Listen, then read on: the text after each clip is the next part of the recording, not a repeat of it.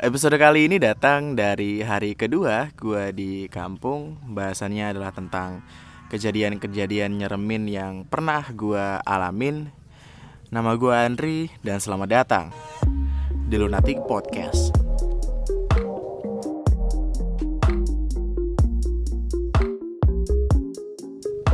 Jadi uh, kali ini gue lagi ngebikin rekaman ini di tengah apa ya di tengah kebun uh, singkong punya kakung dan di sini tuh banyak hewan-hewan yang mungkin nantinya akan memenuhi suara eh memenuhi suara memenuhi podcast ini.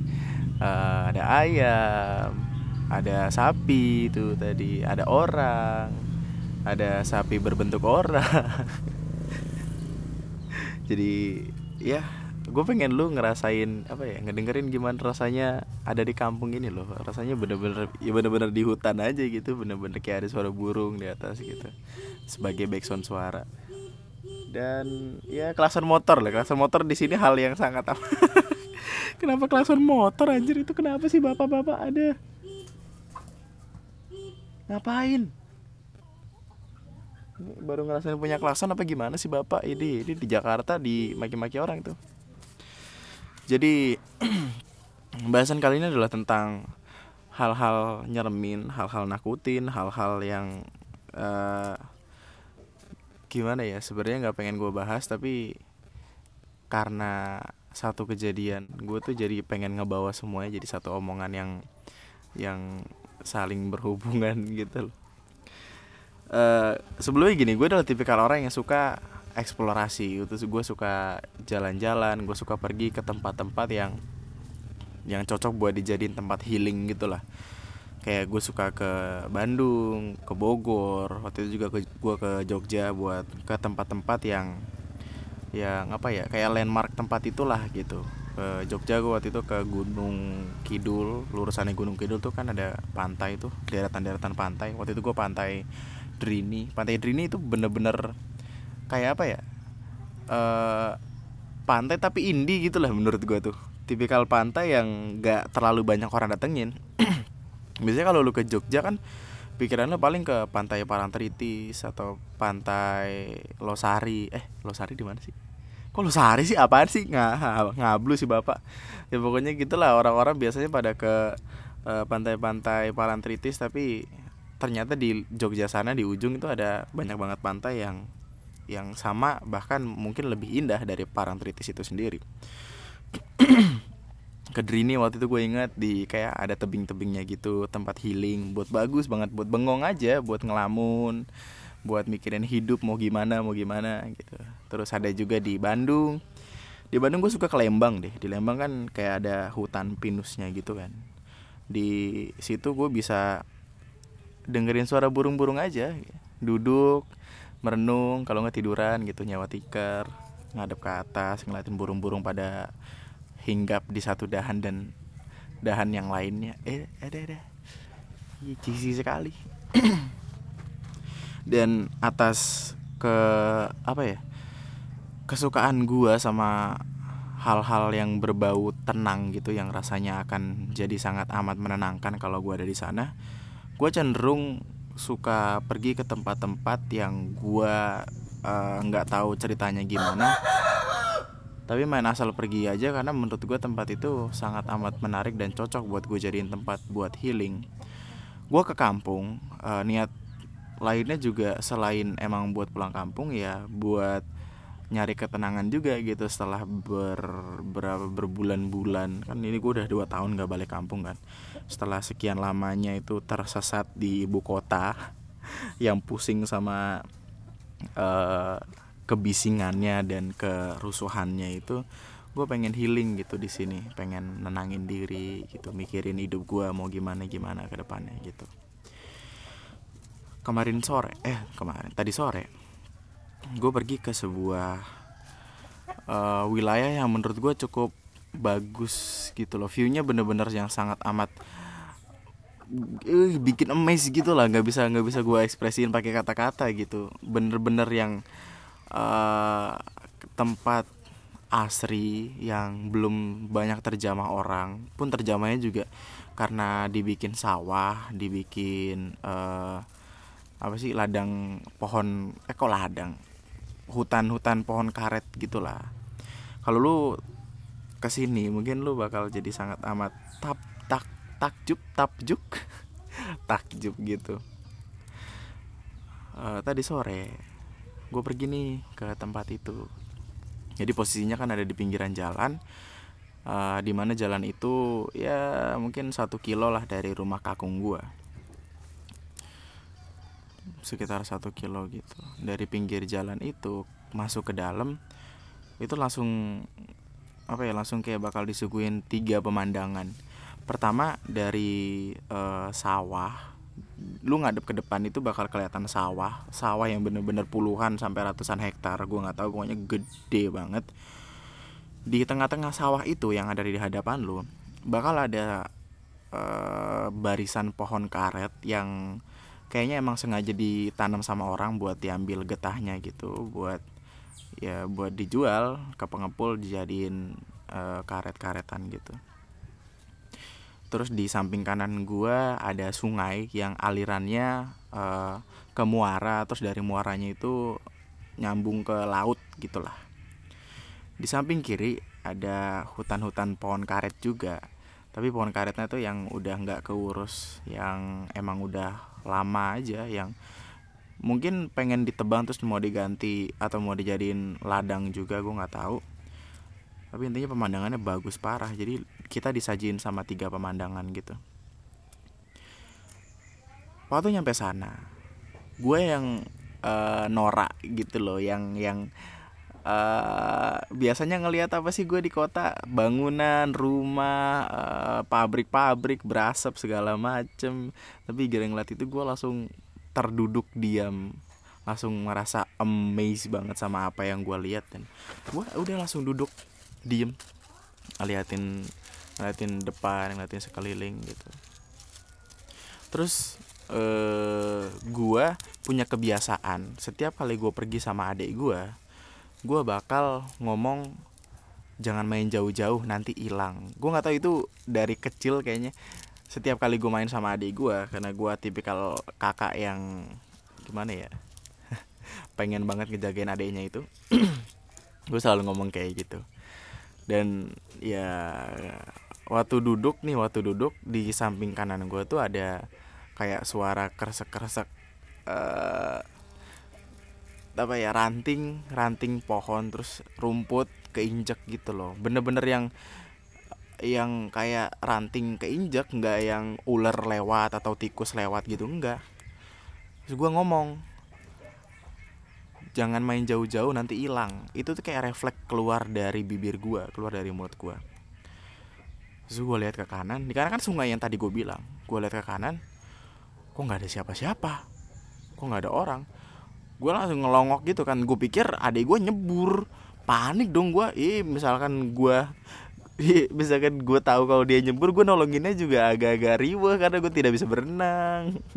Pikir gue gue bangun gue longok gitu. Uh, batas antara sungai sama tempat gue berdiri itu cuman berapa ya? Dua atau tiga meter gitu lah.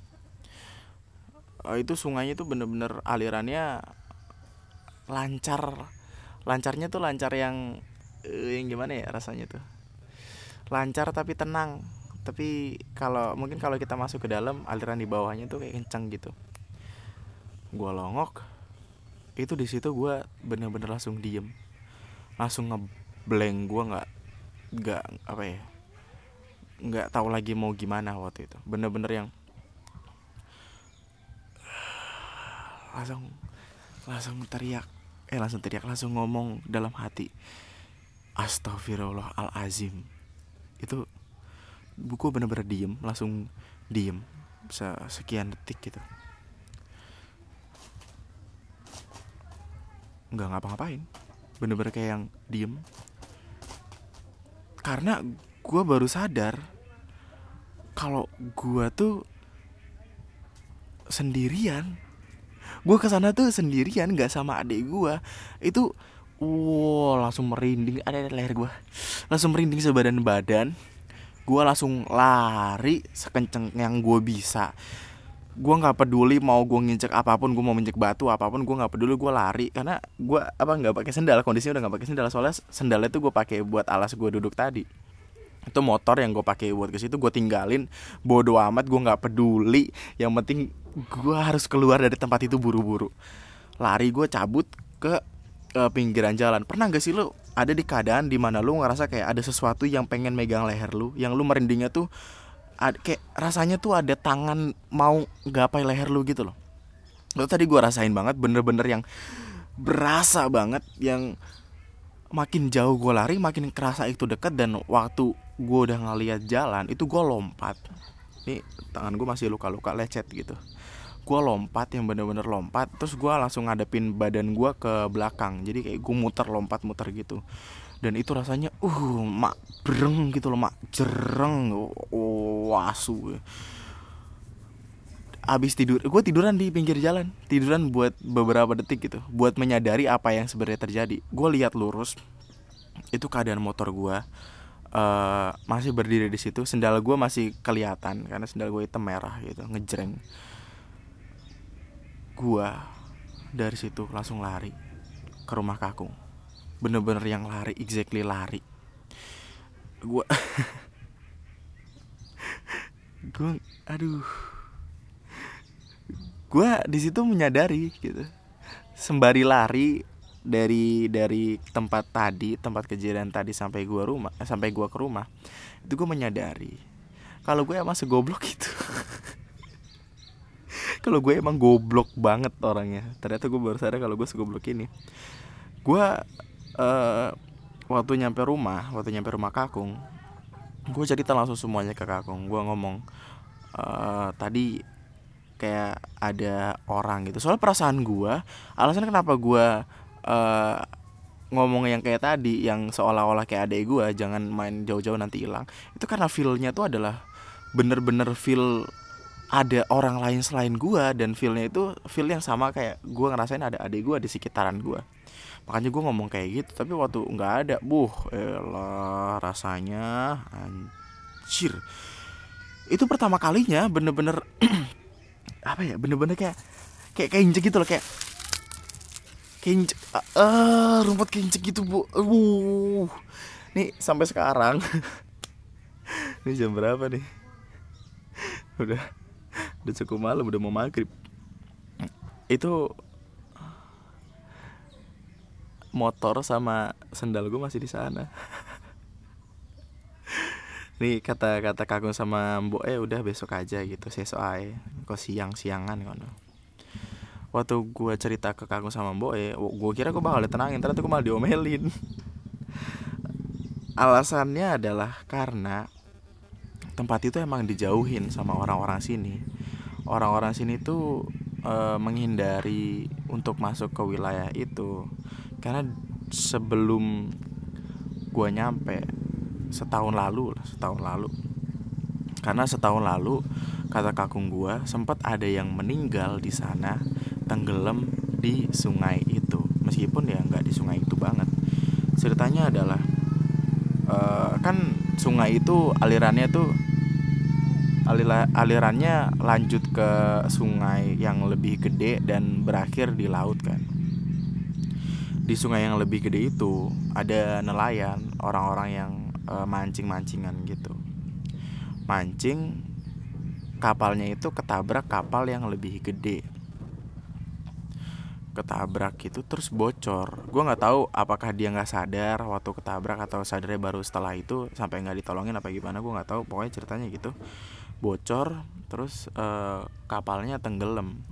Tenggelam dianya juga tenggelam dan ya berakhir ke bawah arus ke sungai tempat gua tempat gua berdiri tadi tempat gua ngelongok tadi itu gua ngelihat ke bawah itu harusnya tempat di mana mayatnya tuh nyampe. Sumpah waktu ngedengar ceritanya gua uh, makin menyadari kalau gue goblok soalnya kan gue punya sepupu di sini. Sepupu gue uh, punya suami dan suaminya itulah yang nyelamatin bukan nyelamatin deh udah meninggal. Yang ngangkat uh, si mayatnya ini dari sungai itu dan ngebopong mayatnya itu kayak digendong di belakang gitu. Tangan tangan si mayat ini dikalungin di lehernya si suaminya sepupu gue ini dibawa ke uh, balai desa buat dicari tahu keluarganya yang mana. Ternyata ya orang jauh bukan orang sini. Dan itu menurut cerita orang-orang ya katanya dia emang ketabrak gitu kapalnya dan bocor dan tenggelam. Wah itu penyesalan yang sangat amat gue sesali sih. Yang awalnya niatnya gue pengen ngelakuin hal yang emang udah biasa gue lakuin yaitu uh, pergi ke tempat-tempat yang nyari emang ngasih tenang ke gue dan gue bisa bengong cukup lama. Karena gue biasanya sampai 2 jam 3 jam loh di tempat-tempat kayak gitu. Buat dia mikirin hidup gue doang. Tapi tadi baru apa nggak ada yang lima menit kayaknya. Gue baru duduk nggak ada lima menit. Terus waktu denger gerasa gerusuk gue liatin ternyata kagak ada apa-apaan. Wah cabut lari. Gue kalau misalkan balapan lari sama Zohri sama itu Muhammad Zohri oh menang kayak gue tadi tuh gue nggak pernah lari sekenceng tadi tuh keringet gue sampai segede-gede jagung gila. Hal kayak tadi menurut orang-orang sini hal kayak tadi juga dihindarin karena di sini tuh kalau malam gelapnya kan beneran gelap ya yang uh, gue sempat ngupload Instagram story deh. Terus ngasih lihat keadaan di sini dan lu kalau ke sini nggak nggak eh kalau malam nggak bisa ke mana-mana lu. Kalau misalnya lu orang bener bener-bener orang kayak gue yang tipikal orang takutan gitu di sini tuh lu udah bakal nggak bisa ke mana-mana lagi man. Bener-bener di dalam rumah aja karena uh, rumah kakung gue bayangannya rumah kakung gue sepetak satu kotak gitu. Di depan rumah kakung gue ada rumah lagi rumahnya lek bejo gitu lek. Tidak berguna juga anda tahu sih cuma tapi rumah kakung gue di depan rumah kakung gue ada rumah di samping kiri uh, rumah kakung gue itu jalan setapak ke arah sawah. Samping kanan rumah kakung gue ini yang sekarang lagi gue uh, pakai buat ngebikin rekaman ini itu kayak ladang kecil-kecilan gitu loh tempat buat nanam singkong buat nanam uh, semangka ya gitu-gitu doang pohon pisang segala macem. Ini juga kalau kalau nggak sore ini gue nggak berani gue soalnya kalau malam tuh bener-bener yang gak ada pencahayaan belas nggak ada. Mau ngantai apa ya gue jalan aja tuh penglihatannya harus dari flash HP kalau nggak dari flash HP nggak ada nggak ada lampu di pinggiran jalan tuh nggak ada. Yang kayak lo lihat-lihat di kota tuh yang di pinggiran jalan ada lampu-lampu tinggi itu nggak ada di sini. Lampu itu ya cuma dari rumah masing-masing rumah dan jangkauan rumah e, dari satu rumah ke rumah lain itu cukup jauh. Mungkin ya berapa puluh langkah gitu 20 atau 30 langkah gitu baru ketemu rumah lagi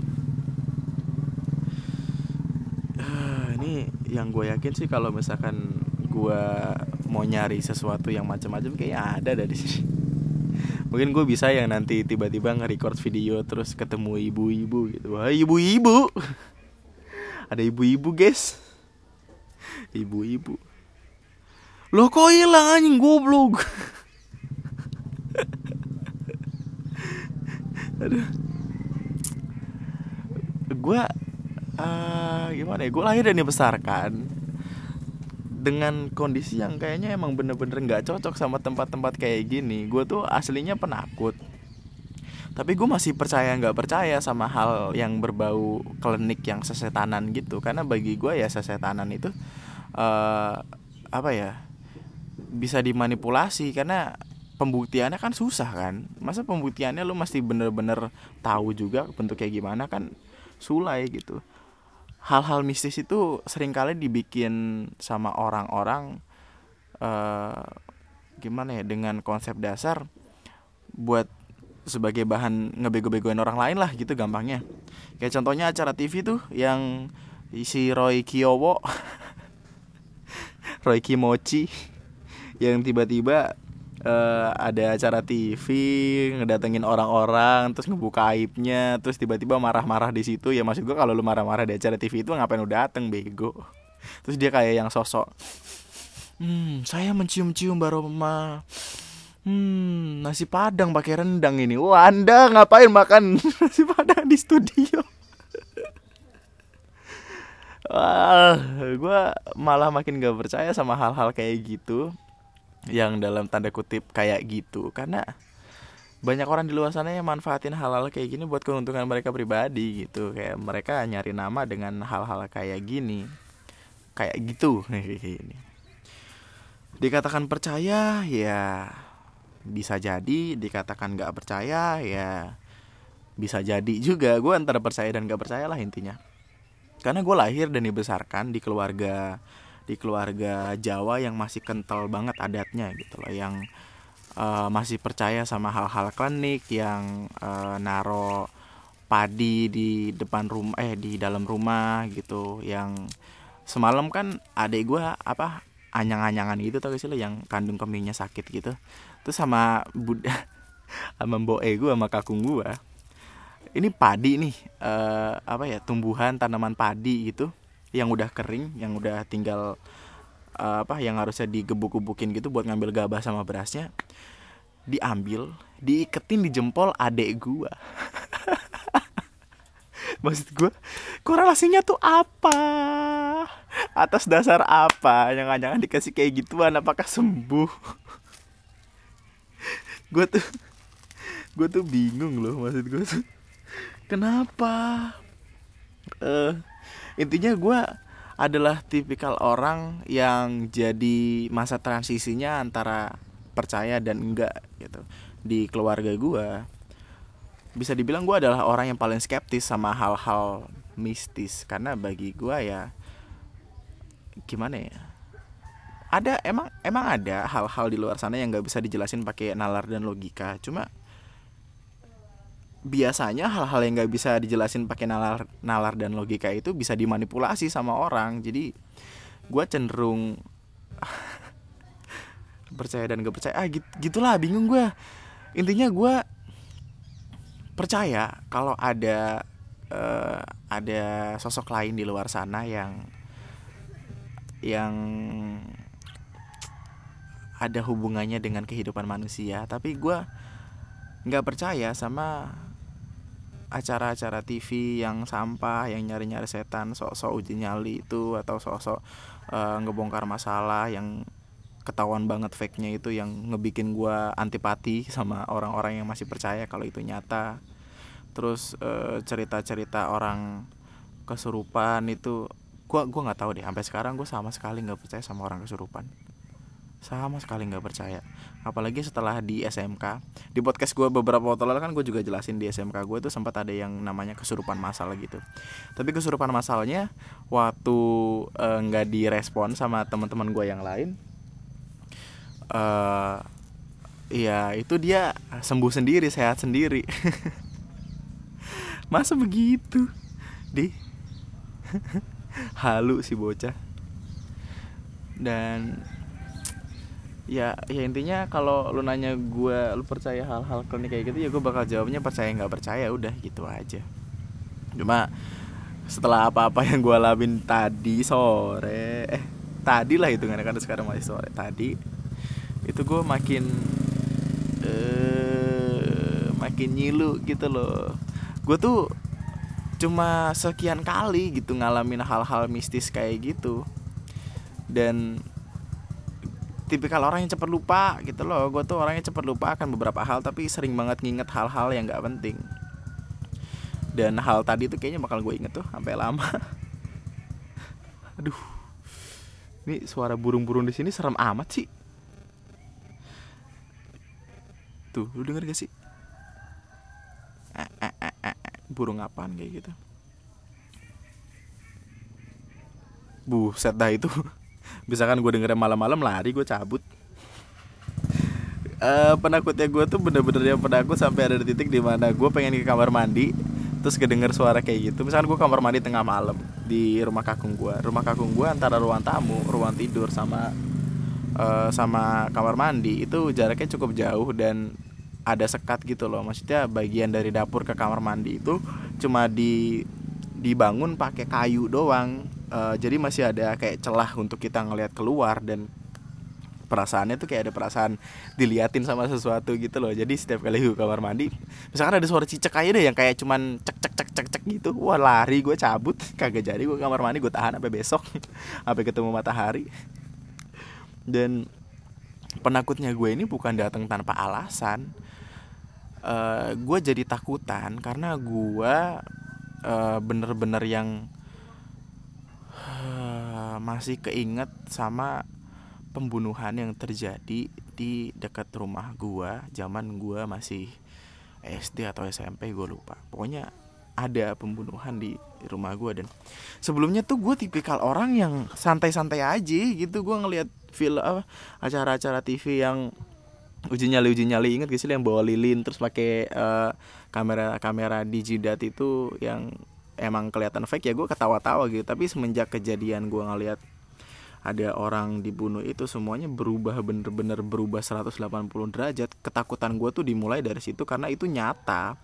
Bukan setan-setanan bukan uh, jin-jinan atau penampakan-penampakan tapi itu bener-bener yang uh, pembunuhan orang bener-bener orang. Jadi gini deh ceritanya gini. Itu tahun sekitar ah lupa gue 2012 atau 2013 gue gue bener-bener lupa tahunnya. Tapi kejadiannya masih gue ingat banget. Waktu itu gue lagi nonton TV hari Minggu hari Minggu gue inget gue nonton TV tiba-tiba nyokap uh, nyamperin gue terus ngomong mas mas di pohon gede sana ada orang dibunuh no dipotong. Gue namanya bocah ya dan dan denger kayak gitu ya gue langsung seketika uh, penasaran kan. Ya ya anak kecil kan pengen tahu sama apa-apa yang belum mereka tahu. Dan gue juga waktu itu masih kayak gitu. Gue inget gue naik sepeda. Make kolor doang, make uh, celana pendek boxer warna biru, make baju kaos, gue gak tau kaos apa lupa, pokoknya gue naik sepeda ngebut gitu kan, kayak saking penasarannya gitu gue ngebut.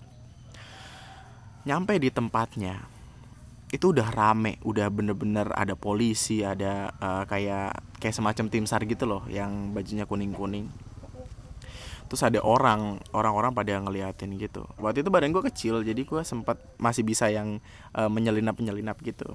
Gue uh, nyelip nyelip dan ngeliat uh, ada sebuah badan itu telungkup gitu telungkup terus tangan kirinya ada di bawah badan tangan kanannya tuh ngelewer eh ngelewer apa sih? Kayak direntangkan gitulah ke kanan. Jadi ya orang telungkup aja gitu. Dan badannya tuh kelihatannya kayak cuma pucet gitu doang loh kayak kayak nggak terlalu lama kayak belum belum ada bau busuk atau apa. Kan biasanya kalau orang meninggal udah lama biasanya kayak bau bau busuk gitu kan. Itu cuman bau anyer anyer darah gitu. Dan posisinya itu uh, ada di samping pohon gede pohon gede banget di dekat wilayah gue itu ada sebuah pohon gede di pinggir jalan pohon rengas gitu. Buat lo yang belum tahu pohon rengas itu kayak pohon mangga tapi bisa jadi lebih gede dari itu. Nah, gue nggak tahu apakah ada buahnya atau enggak tapi intinya uh, mayat itu ditemuin sekitar 100 atau 200 meter di dekat pohon itu. Nah pikiran gue pertama kali waktu ngedenger wah angker tuh pohon langsung. Terus waktu ditemuin udah telungkup gitu dan ya kepalanya nggak ada. Tapi waktu itu gue posisi ngelihatnya adalah gue ngelihat dari arah kakinya kan. Jadi gue nggak bener-bener pure ngelihat uh, bagian lehernya itu yang nggak ada itu.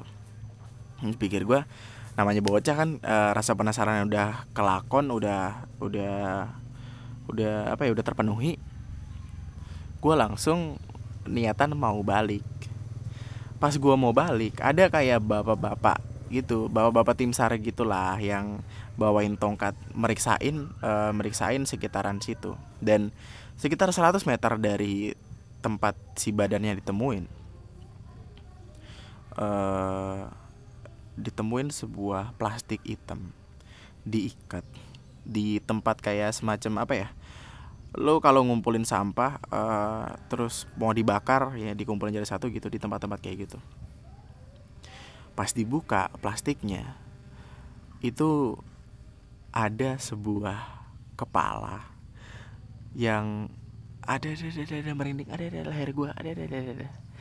Kepala yang beneran kepala terlepas dari badannya. Maaf ini akan terdengar sangat eksplisit tapi itu uh, kan itu ketemunya pas banget di depan gue kan. Jadi ceritanya gue udah pengen balik udah pengen ke sepeda gue tiba-tiba itu ditemuin dan ditemuinnya itu pas banget depan gua. Waktu kepala itu dikeluarin gua langsung polisi langsung naro garis polis lain gitu. Dan polis lainnya itu ditaruh pas banget di depan gua. Waktu itu aja gua uh, nonton TV uh, sempet yang bokap gue ngasih tahu gitu gue semenjak saat itu nggak berani nonton TV kalau masalah berita yang mutilasi gitu kan. Jadi selalu gue tutupin pakai spray. Tiba-tiba bokap gue ngasih tahu lah mas itu kamu itu kamu gitu. Gue sampai masuk SCTV karena saking depannya gue uh, gue ngeliat dengan mata kepala gue sendiri jelas banget itu kepala keluar dari plastik. Plastik hitam kecil gitu. Dan muat anjing bingung gue uh, dan maaf itu dipotongnya nggak di leher tapi di bawah dagu di di bawah dagu terus sampai ke belakang jadi daging daging segernya itu eh ya ya ya ya merinding eh ada merinding sebadan badan cuy itu tuh dagingnya tuh masih seger banget terus masih ada kayak tetesan darah kental gitu di ya gitulah gue kalau inget-inget selalu selalu ah selalu menyeramkan dan menyebalkan. Dan alasan kenapa gue nggak bisa lupa adalah karena sampai sekarang gue inget itu si uh, mbak-mbak yang jadi korban. Make kemeja warna putih make rok warna merah. Makanya setiap kali gue ngelihat anak SD dengan setelan merah putih gue selalu keinget ke kejadian itu.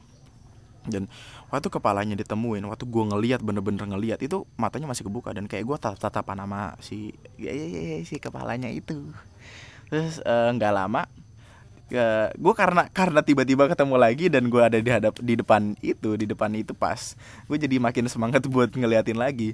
Itu kepalanya diambil supaya ini gue gue nggak pengen kerja yang namanya jadi uh, tim penyidik atau apa tim sar atau polisi atau apa gitu yang kalau kalau kerjaannya megangin mayat-mayat gitu gue nggak nggak berani. Itu dipegang bener-bener dipegang pakai dua tangan dibawa dicocokin sama badannya. Kan badannya telungkup kan telungkup gitu. Badannya tuh kayak di dibalikin terus ditelentangin. Dan waktu ditelentangin kan namanya badan kaku ya.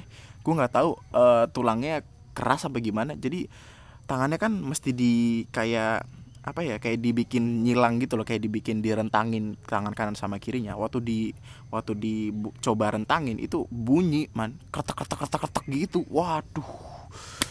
Iya suaranya khas banget khas. Bukan yang kayak uh, lu buka pintu terus kayak pelan pelan kertek kertek gitu enggak. Kertek kertek kayak kayak kayak gitu tangan gitu loh kayak. Tapi kerasanya bener-bener yang mak gitulah. Dan itu kepalanya dipegang terus di dicocokinnya si bawa polisinya tuh berdiri di di atas tubuhnya gitu di bagian atasnya di lehernya terus ditempelin gitu kayak kayak kayak main bongkar pasang anjing kayak kayak Barbie kayak Barbie terus dipasangin gitu. Walah tuh oh abis dari situ balik kan gue akhirnya balik akhirnya balik dan uh, awalnya masih belum ada kepikiran yang aneh-aneh karena pikir gue ya elah cuma kayak gitu doang gitu kan. Malam pun tiba dan akhirnya di malam hari semua yang gue lihat itu langsung kayak kebayang-bayang jelas di kepala gue 2 sampai tiga bulan lamanya gue ke kamar mandi harus ada yang nungguin di depan kamar mandi. Waktu itu keadaannya gue masih SD atau SMP gitu loh jadi jadi gue masih masih bocah lah masih takutan. Dan setelah ngeliat kejadian itu gue bener-bener yang jiper bukan main cuy. Bener-bener takutnya itu takut-takut yang bukan cuma takut sama setan ya takut sama emang. Itu kejadian bener-bener nyata. Dan itulah juga uh, kejadian itu juga yang ngebikin gue takut sama hal-hal gelap sama tempat-tempat gelap. Kayak contohnya di kampung gue ini. Karena gini loh pikiran gue adalah di tempat-tempat gelap itu apa pun kan bisa terjadi ya. Apa pun bisa terjadi. Yang gue takutkan adalah waktu gue lewat di tempat gelap itu kejadian yang sama kejadian pembunuhan yang sama atau bahkan mungkin lebih kacau dari itu uh, terjadi. Dan gue bener-bener uh, ngindarin tempat gelap karena gue takut takut takut aja gitu. Kan tempat gelap nggak selamanya setan dong nggak selamanya hal-hal mistis gitu dong nggak selamanya penampakan dong. Bisa aja hal-hal yang emang nyata kayak bangsanya pembunuhan gitu. Atau tiba-tiba ada serigala gitu udah siap buat nerekam lu kan serem juga dong. Makanya itu gue bener-bener ngindarin yang namanya tempat gelap. Karena ketakutan gue akan ya akan bayang-bayang hal-hal yang dilakuin sama si pembunuhan waktu itu. Jadi pembunuhan waktu itu terjadi hari Sabtu malam Minggu. Uh, eh, 500 atau 600 meter dari tempat itu ada dangdutan, ada acara dangdutan dan gue nggak tahu apakah dia emang uh, pengen datang ke tempat itu atau cuma sekedar mampir gue nggak tahu karena dangdutannya 500 sampai 600 meter dari tempat itu uh, posisi si orang ini ada di samping pohon gede uh, pohon gede pohon rangas yang tadi gue bilang di pinggir jalan posisinya. Dan ya jenazahnya mayatnya itu diketemukan besok paginya. Waktu dicari tahu lagi waktu ditelusurin lagi ternyata si um, korbannya ini hamil. Dan korbannya ini minta pertanggungjawaban sama si laki-lakinya. Ternyata laki-lakinya itu udah punya istri. Dan waktu dicari tahu lagi ternyata laki-lakinya ini tukang potong ayam. Hmm di di di di di, di merinding disco cuy. Gue aduh. Masa kecil gue tuh bukan masa kecil yang membahagiakan ternyata. Gue emang selalu hadir dan apa ya dibawa dibawakan sama hal-hal semacam itu. Makanya pikiran gue tuh jadi agak-agak aneh gitu. Bagaimana nggak tahu. Makanya uh, kalau misalkan lu nanya sama gue balik lagi kayak tadi kalau misalkan lu nanya ke gue lu percaya nggak sih sama hal-hal setan-setanan? Gue percaya dan gak percaya.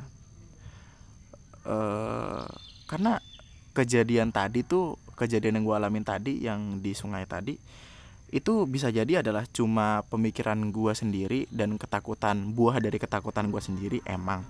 Tapi uh, eh, gue juga bisa berpendapat kalau itu emang ada sesuatu di sana dan gak pengen gue ganggu. Yang padahal gue juga nggak ngeganggu cuy. Gue cuman duduk doang. Tapi ya mungkin butuh teman gitu atau gimana. Jadi ya mungkin itu aja. Ini juga udah cukup lama dan ini hari udah mulai malam. Uh, eh, gue takut shit. Ini uh, eh, PR gue besok adalah ngambil ngambil motor sama sendalnya. Ya mudah-mudahan gue nggak ikut sih. Karena kalau ikut ya gue takut ditandain aja sama si sama siapa pun yang ada di sana. Maka sampai jumpa di podcast gue selanjutnya. Mungkin besok atau lusa gue nggak tahu. Tapi intinya uh, tuh kan tuh lu denger gak sih suara burungnya cuy? Mak nge e e e e ngono. Ya allah Tuh. Idi. Udah sampai jumpa di podcast gue selanjutnya. Uh, tetaplah bahagia. Selamat liburan untuk siapa pun kalian yang uh, dapat hari libur lebih awal dan bentar lagi lebaran kan. Ini sekarang hari apa sih ini? Ya, pokoknya bentar lagi lebaran intinya. Uh, baik-baik di kampung halaman atau di rumah kamu sendiri dengan liburanmu jangan jangan nakal jangan main jauh-jauh nanti nggak bisa lebaran kalau kenapa-napa jangan jadi kayak gue yang terlalu bego buat ngambil keputusan tanpa tahu asal usul dari tempat yang gue datengin. Jadiin pelajaran jadi pelajaran. Gue seneng nih kalau misalkan gue ngelakuin sesuatu terus bisa jadi pelajaran buat orang lain dan buat gue buat diri gue sendiri juga tentunya. Uh kagak astagfirullah. Uh apa sih? Gue daun jatuh aja. Panik cuy. Astagfirullahalazim ya allah. Oh cabut gue uh. aduh makin gak beres di tempat itu aja buat podcast gue kali ini nama gue Andri sekian dan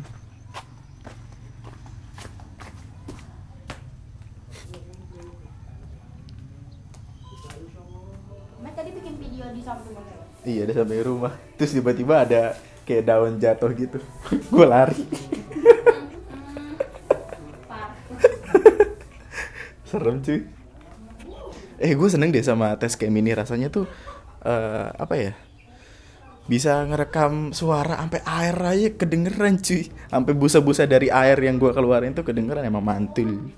Mantul. Terima kasih untuk kalian semua yang udah ngedengerin podcast gue itu ngebikin gue bener-bener sadar kalau emang eh, apa-apa yang kita perjuangkan tuh bisa menghasilkan gitu. Bisa membuahkan hasil. Dulu awalnya gue pikir uh, ngebikin podcast tuh nggak bakal ada uangnya. Ternyata benar Semuanya memang modal sendiri. Tidak ada yang akan membiayai Anda untuk membuat podcast. Tidak ada. Kalau lu bertanya-tanya apakah podcast ada uangnya? Tidak, tidak, tidak. Jadi ya udah lalu uh, kerja ya kerja kerja ya kerja kerja. Yeay. bye bye. Sampai jumpa besok.